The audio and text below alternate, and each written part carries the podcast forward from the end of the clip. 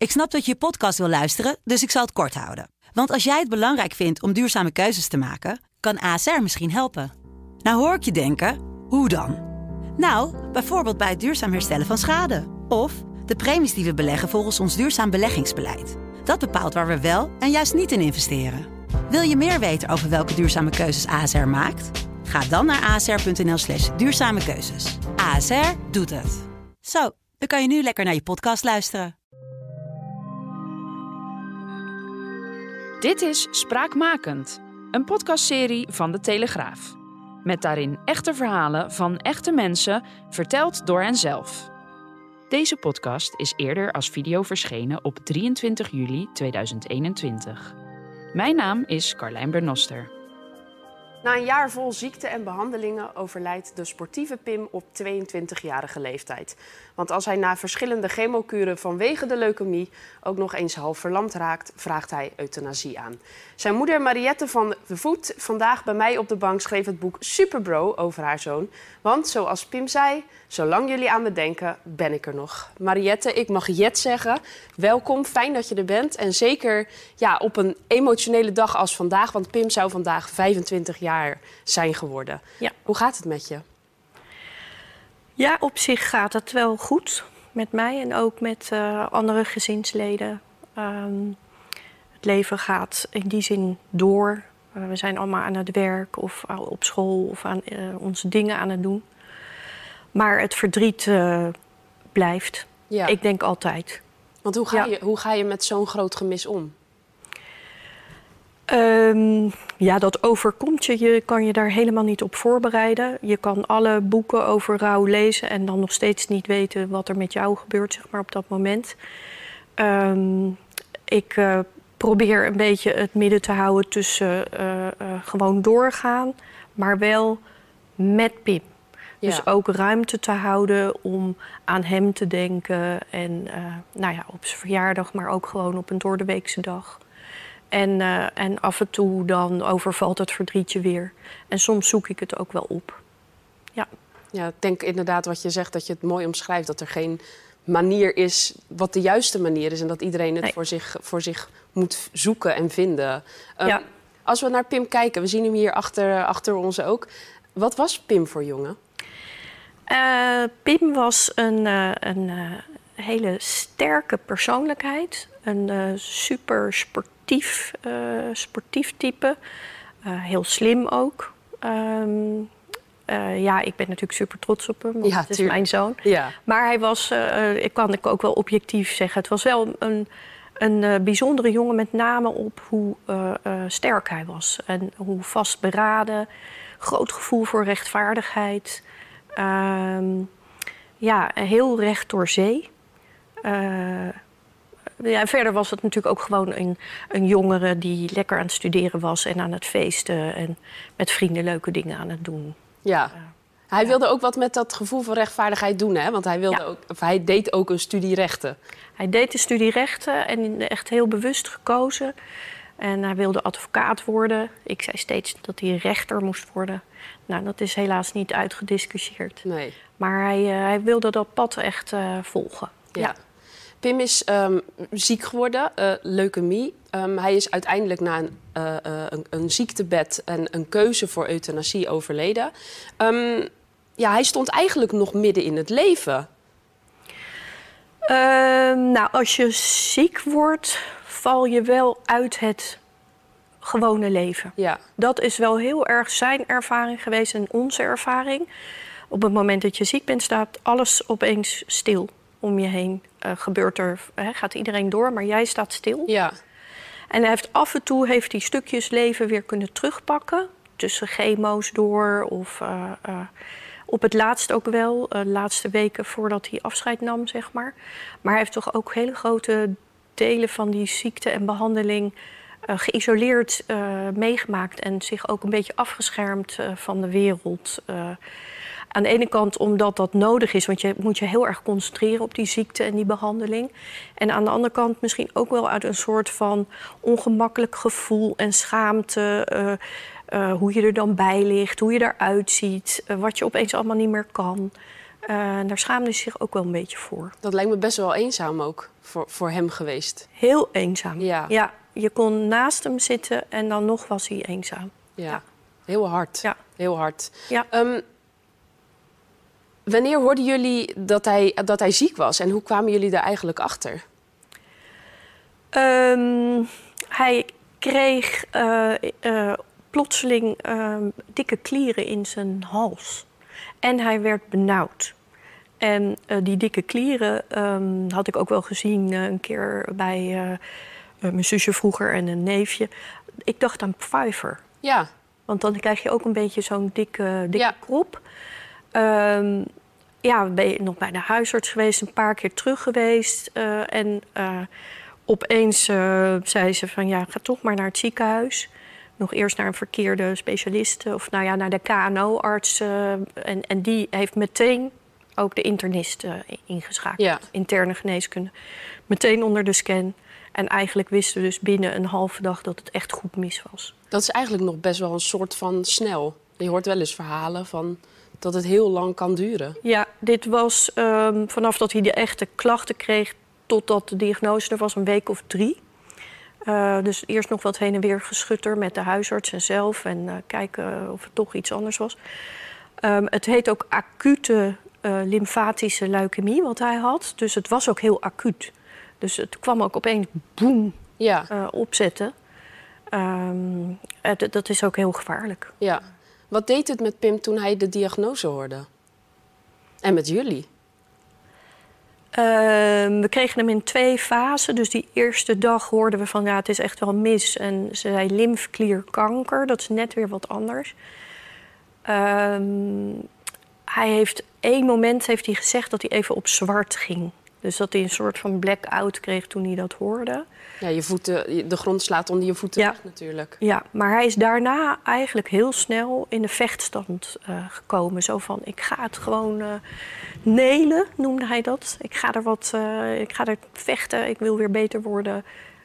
Dus, dus dat was voor hem vrij snel gedaan. Voor mij duurde het wat langer. Ja, En voor anderen in de omgeving. Want je schrikt zo verschrikkelijk. Er gaat zo'n snerpende angst door je lijf als je dat hoort. En eh, ehm, hij verbood ons eigenlijk om, eh, om dat gevoel te hebben. Dus om bang te zijn en om te huilen. En dat wilde hij allemaal niet. echt een vechter. Echt hij een wilde vechter. dat jullie met hem mee zouden vechten. Meevechten, ja. En hem niet eh, in het diepe gingen sleuren met grote emoties. Ja, ja. Ja, en dat heeft hij ook de hele ziekte volgehouden. Eh, en dat, dat zeiden wij ook altijd tegen bezoek. Huilen moet je op de gang. En bij Pim in de kamer moet je vrolijk zijn. Vrolijk als je maar kan.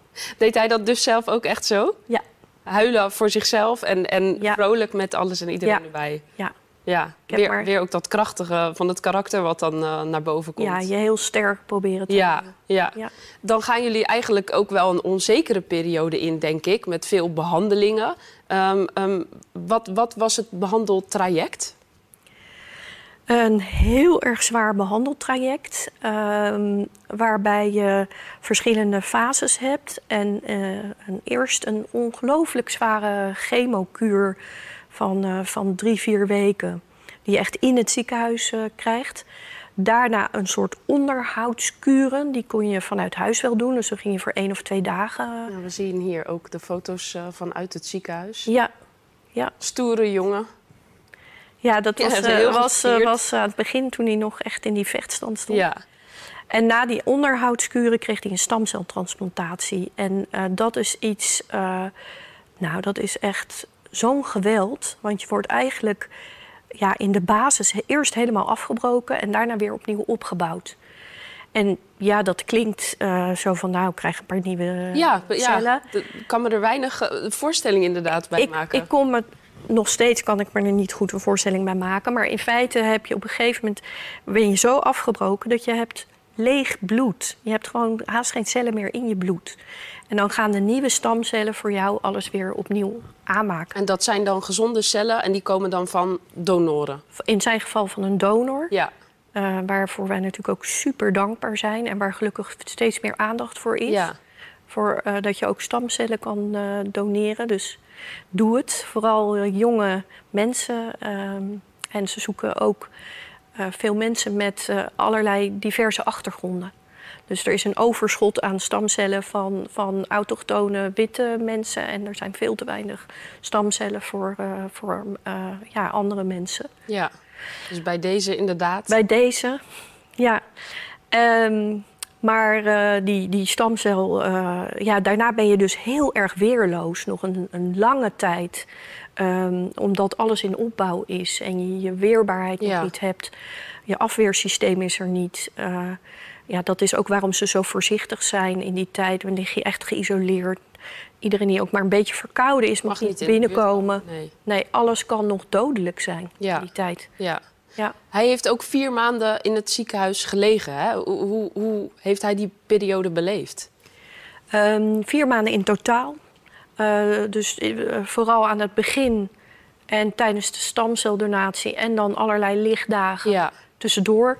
En nog uh, twee weken toen het eigenlijk het einde al in zicht kwam. Um, nou, hij, hij vond het verschrikkelijk. Ja, dat, dat kan het ziekenhuis eh, voor een deel ook niet helpen. Maar hij vond het ziekenhuis echt de hel. Hij noemde het ziekenhuis de hel en behandelingen noemde hij martelingen. Ja. En hoe flink hij ook was, hij, hij, ja, het was echt verschrikkelijk. Maar was dat de hel, was dat dan omdat, dat, omdat hij dat echt associeerde met de ziekte? Uh, omdat hij daar dus de behandelingen kreeg? Of was het ook omdat het gevoel gewoon, nou ja, niet volledig fijn was in de begeleiding? We lezen natuurlijk in, in het boek ook een passage over de psychiater, over... Ja, nou, het, is, het, het, het was uh, uh, fysiek heel zwaar. Uh, je, he, je fysiek krijgt een, een klap. Hij kreeg er allerlei klachten bij, hartritmestoornissen. Hij heeft een galwegoperatie gehad. Je hebt pijn, je hebt jeuk, tergende jeuk. Dat vond hij nog erger dan pijn. En allerlei andere klachten. Dus fysiek was het zwaar. Mentaal was het voor hem loodzwaar. Gewoon om zich overeind te houden. Zichzelf te blijven motiveren voor de volgende behandeling uh, weer. Maar uh, sociaal-emotioneel was het ook heel zwaar. Ja. En dat was ook wel de ziekenhuisomgeving. Uh, Pim lag in een academisch ziekenhuis... waar misschien niet altijd de patiënt helemaal voorop staat. En um, ja, wij zijn zoveel mogelijk bij hem gebleven... Ook omdat ja, met die eenzaamheid die hij voelde, dat je denkt, ja, maar als wij nu weggaan, dan is er niemand die naar hem omkijkt. En dat gevoel, dat kennen misschien mensen ook wel met zieke kinderen die in een ziekenhuis liggen. En van 0 tot 18 is het heel normaal dat je nog bij je kind bent. Nou, Pim was 21 en 22. Ik had dat nog steeds, hè, die ja, neiging. Het is nog steeds je kleine jongen, dus daar wil je nog steeds altijd dan bij zijn. Daar wil je nog steeds voor zorgen. Ja. In die situatie uh, zeker. Ja. Pim heeft dus uh, gekozen voor euthanasie. Um, hoe heeft hij dat aan jullie verteld?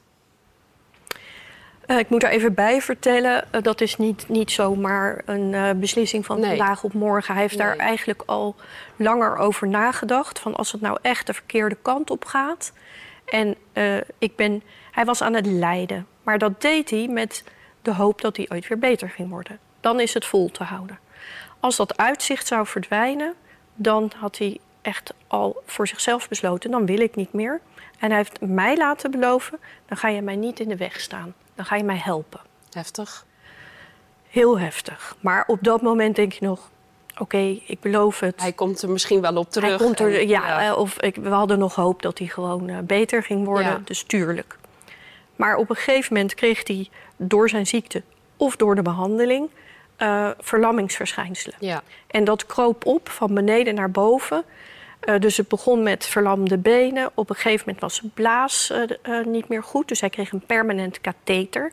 Moet je even voorstellen wat dat betekent voor een jonge man van ja. 21, 22. Ja.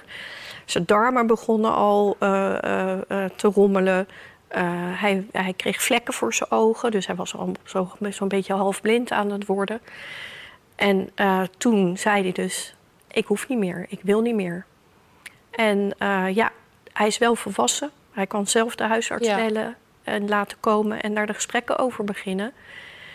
En wij hebben uiteindelijk gedaan wat we beloofd hebben. Ja. Hem gesteund. Ja, je hebt hem zelfs, omdat hij zijn zicht verloor, geholpen met het opstellen van, van ja, eh, de- Zijn verklaring. ja, zijn verklaring. Een Ja. euthanasieverklaring die je moet... ehm, ik weet niet eh, of mensen eh, te maken hebben gehad met euthanasie zelf... maar het is een uiterst zorgvuldig traject... Ja. met een eerste gesprek met de huisarts... en een tweede gesprek en een derde gesprek. En je moet eigenlijk steeds gestand doen dat je dit echt wil. Ja. En zelfs het moment voordat de huisarts eh, zeg maar het middel inspuit... eh, vraagt ze nog een keer, Weet je het zeker? weet je het zeker? Ja. Ehm, en tussendoor moet je ook nog een schriftelijke eh, verklaring inleveren. En nou ja, dat was normaal gesproken voor Pim een eitje geweest, want hij kon heel goed schrijven en formuleren. En eh, in dit geval moest ik hem helpen, omdat hij zo slecht eh, zag. Ja. Ja. Hij eh, besluit dan ook een, een bericht te sturen naar alle familieleden. Ook, ook heel mooi hoe hij dat omschrijft en dat Ja. hij daarvoor gekozen heeft en dat de familieleden nog langs kunnen komen en de vrienden. Ja. En, en dat was ook wel, denk ik, een heel heftig moment. Het, het afscheid. Je beschrijft ook van, nou, ik zie mensen die bij hem zijn geweest naar beneden lopen met sommigen een, een wit gezicht, sommigen weten niet hoe ze zich een houding moeten geven. Nee. Ik kan me voorstellen dat het moment van afscheid, omdat je weet dat iemand er straks niet meer is, heel heftig is voor iedereen. Want voor hem ook. Ja, wij, wij, weet je, wij hebben het weer in ons voordeel uitgelegd. Want we konden afscheid nemen. Ja. Er zijn natuurlijk ook mensen die plotseling eh, eh, door een hersenbloeding of een hartaanval plotseling uit het leven verdwijnen. En dan kan je geen afscheid meer nemen. Maar het was natuurlijk wel een ja, heel lang uitgesmeerd Ja. afscheid. Waar, waar, waar Ehm, ja, mensen hadden het daar heel lastig mee. Ik vond dat zijn vrienden en de jongeren, zeg maar, daar ontzettend goed mee eh, omgingen. Heel veel natuurlijker misschien wel dan de volwassenen en de oudere mensen. Ehm, maar voor Pim was het ook zo zwaar, want dat had ik me helemaal niet gerealiseerd. Hij zei op een gegeven moment: Mam, eh, zij nemen allemaal één keer afscheid. Ja. En ik moet per dag keer. tien keer afscheid Ja. nemen. Ja. Ja. dus het was voor hem ook heel zwaar. Ja, En toch ben ik blij dat hij het heeft gedaan. ja. Ja. Je hebt er over het hele verhaal van, van Pim, van zijn ziekte en eh, de opnames en eh, het afscheid, heb je een boek geschreven, Superbro. Ja. Ehm, waarom wilde je het boek schrijven? Ehm, nou, Pim's motto was: eh, Zolang jullie aan mij denken, ben ik er nog. Wij zijn eh, thuis niet heel erg gelovig, maar hij had echt het idee van: zolang ik nog bij jullie ben Ja, en jullie over mij praten en aan mij denken, dan ben ik er nog. Dus ja, dan was zo'n boekje, zeg maar, ligt wel heel erg in het verlengde Ja. van dat motto. ja, Maar we hebben ook een jaar als gezin best wel geïsoleerd geleefd. En heel veel mensen wisten niet goed wat er allemaal gebeurde. Wij hadden weinig tijd om iedereen dat ook steeds uitgebreid te kunnen vertellen. ja, dat is logisch. En ehm, voor sommige mensen was Pim best wel toch nog opeens dood. En ehm, eh, een nichtje van mij vroeg aan me, maar wat is er nou eigenlijk allemaal precies gebeurd? En toen dacht ik, nou ga ik het een keer opschrijven. Ja, ja. Mooi. Ja, om Ja. de herinnering levend te houden. Om de herinnering leven Ja. te houden. Wat, Ja. wat, wat me wel opvalt is de, eh, we zien het hier ook, eh, de, de tekening en, en de naam van het, van het boek. Kan je Ja. uitleggen eh, ja, wat, wat, we, wat we precies zien en waar het vandaan komt? Ehm, ja, jullie, je ziet een eh, tekening van ehm Pim's zusje Eva. Pim heeft een broer Sam en een eh, zusje Eva. En eh, Sam was erg goed in staat om zijn gevoelens eh, te uiten en met Pim te praten. Eva is het jongere zusje van Pim, had daar wat meer moeite mee. Maar die kan ontzettend goed, ze is heel creatief, kan heel goed met haar handen praten, zeg ik altijd. En die heeft op een gegeven moment voor Pim de tekening gemaakt met eh, bijschrift You are a superbro. En eh, eh, dat vond ze ook echt en dat vonden wij allemaal. Ja, Dat hij het zo ontzettend goed droeg, zijn ziekte, die behandelingen. En dat hij zich er zo fantastisch doorheen heeft geslagen. En eh, deze eh, ja, tekening ging ingelijst steeds met hem mee. Ja. Waar Pim was in het ziekenhuis, was, eh, was de tekening. En het is een beetje ja, zijn huisstijl geworden, zeg maar. dat is mooi. ja. Ja. Jullie beschrijven ook nog, eh, tot slot wil ik dat toch heel eventjes uh, benoemen, over uh, de opnameperiode. dat het ook voor jullie best wel een lastige periode is geweest met, met het universitaire ziekenhuis. Um, ja. Dat staat ook in het boek beschreven. Hoe heeft het ziekenhuis daarop gereageerd? Um, ja, we hadden naar aanleiding van onze ervaring in overleg al eens een brief geschreven naar het ziekenhuis uh, van alles wat wij hebben ervaren. En dat was van uh, voeding die niet goed is aangepast op patiënten, de slaap die je niet kan krijgen tussendoor. Uh, hoe ongelooflijk moeilijk het is om zelf al je afspraken te organiseren tussen verschillende afdelingen ja. in. Nou ja, gewoon dingen die ons waren opgevallen, waarvan we dachten, we schrijven het toch een keer op. En dat hebben ze al destijds al gewaardeerd. Um, en toen het boek er was, uh, zeiden mensen wel van... goh, jullie beschrijven toch echt wel van binnenuit hoe je zo'n ziekenhuis ervaart. Moet je dat niet ook nog een keer bij het ziekenhuis terugleggen? En uh, dat hebben we gedaan. We hebben contact gezocht. En uh, we hebben het mogen aanbieden aan het bestuur. Dat is mooi. Heel mooi.